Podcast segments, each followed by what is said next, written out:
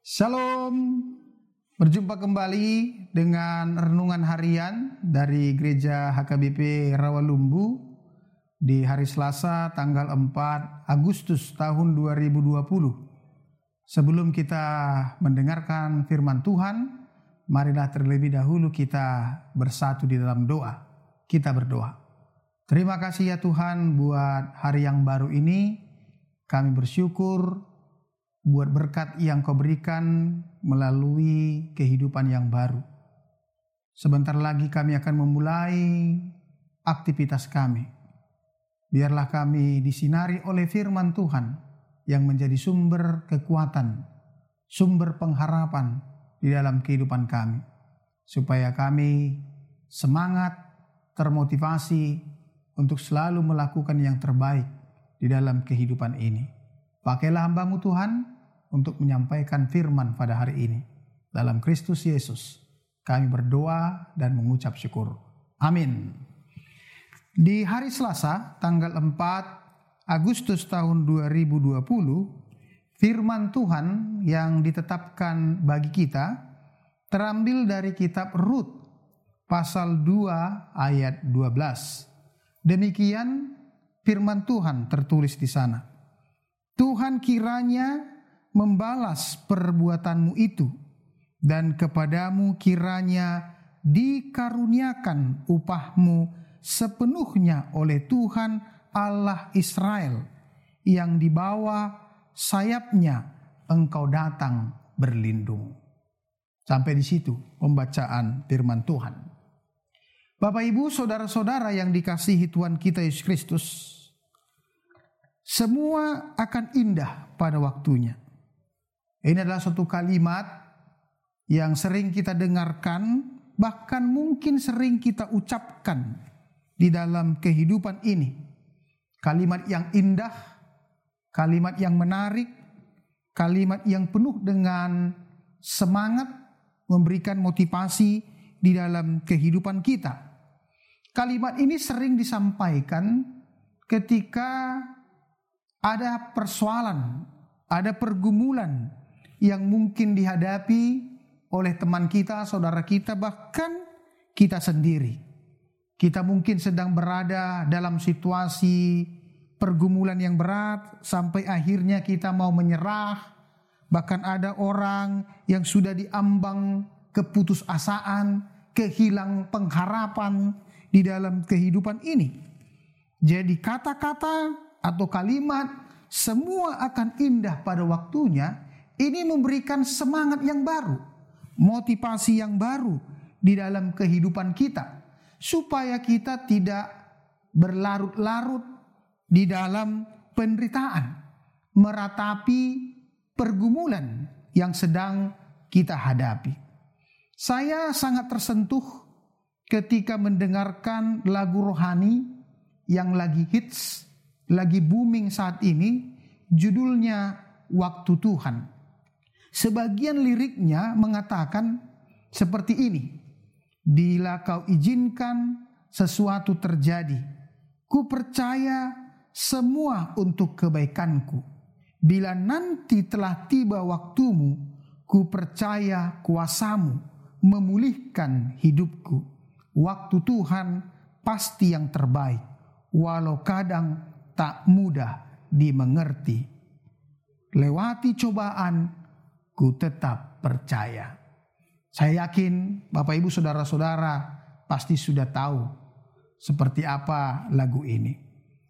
Semua yang terjadi di dalam kehidupan ini, baik senang, sedih, sukses dan kegagalan, yang paling penting sebenarnya adalah bagaimana kita terus tetap setia di dalam pengharapan, di dalam kesetiaan kita kepada Tuhan. Hari ini Bapak Ibu Saudara-saudara, kita mau belajar dari Ruth. Sosok yang memiliki komitmen yang sangat besar, kesetiaan yang sangat luar biasa. Dia tidak pernah mau mengeluh, apalagi bersungut-sungut. Walaupun hidupnya penuh dengan penderitaan dan kesusahan. Kita tahu Ruth ini adalah seorang perempuan Moab yang menjadi menantu daripada Naomi. Bapaknya bernama Elimelech, suami dari Naomi. Malang bagi Ruth karena suaminya meninggal, yaitu putra dari Naomi. Mertuanya yang datang dari Israel dan tinggal di Moab. Akhirnya Naomi memilih pulang ke kampung halamannya, yaitu di Israel, tepatnya di Bethlehem. Dan dia ingin melepaskan kedua menantunya itu untuk pulang membangun kehidupannya yang baru. Karena tidak ada lagi ikatan dengan Naomi. Karena anak dari Naomi sudah meninggal dan mereka belum diberikan keturunan. Namun apa yang kita lihat dari sikap Ruth justru ketika mertuanya menawarkan dia untuk pergi berpisah dari mertuanya justru Ruth tetap setia tetap berkomitmen untuk mengikuti mertuanya ke mana pun dia pergi. Ada salah satu pengakuan yang sangat luar biasa dari Ruth. Boleh kita baca itu di dalam kitab Ruth 1 ayat 16 dikatakan seperti ini. Janganlah desak aku meninggalkan dan pulang dengan tidak mengikuti engkau.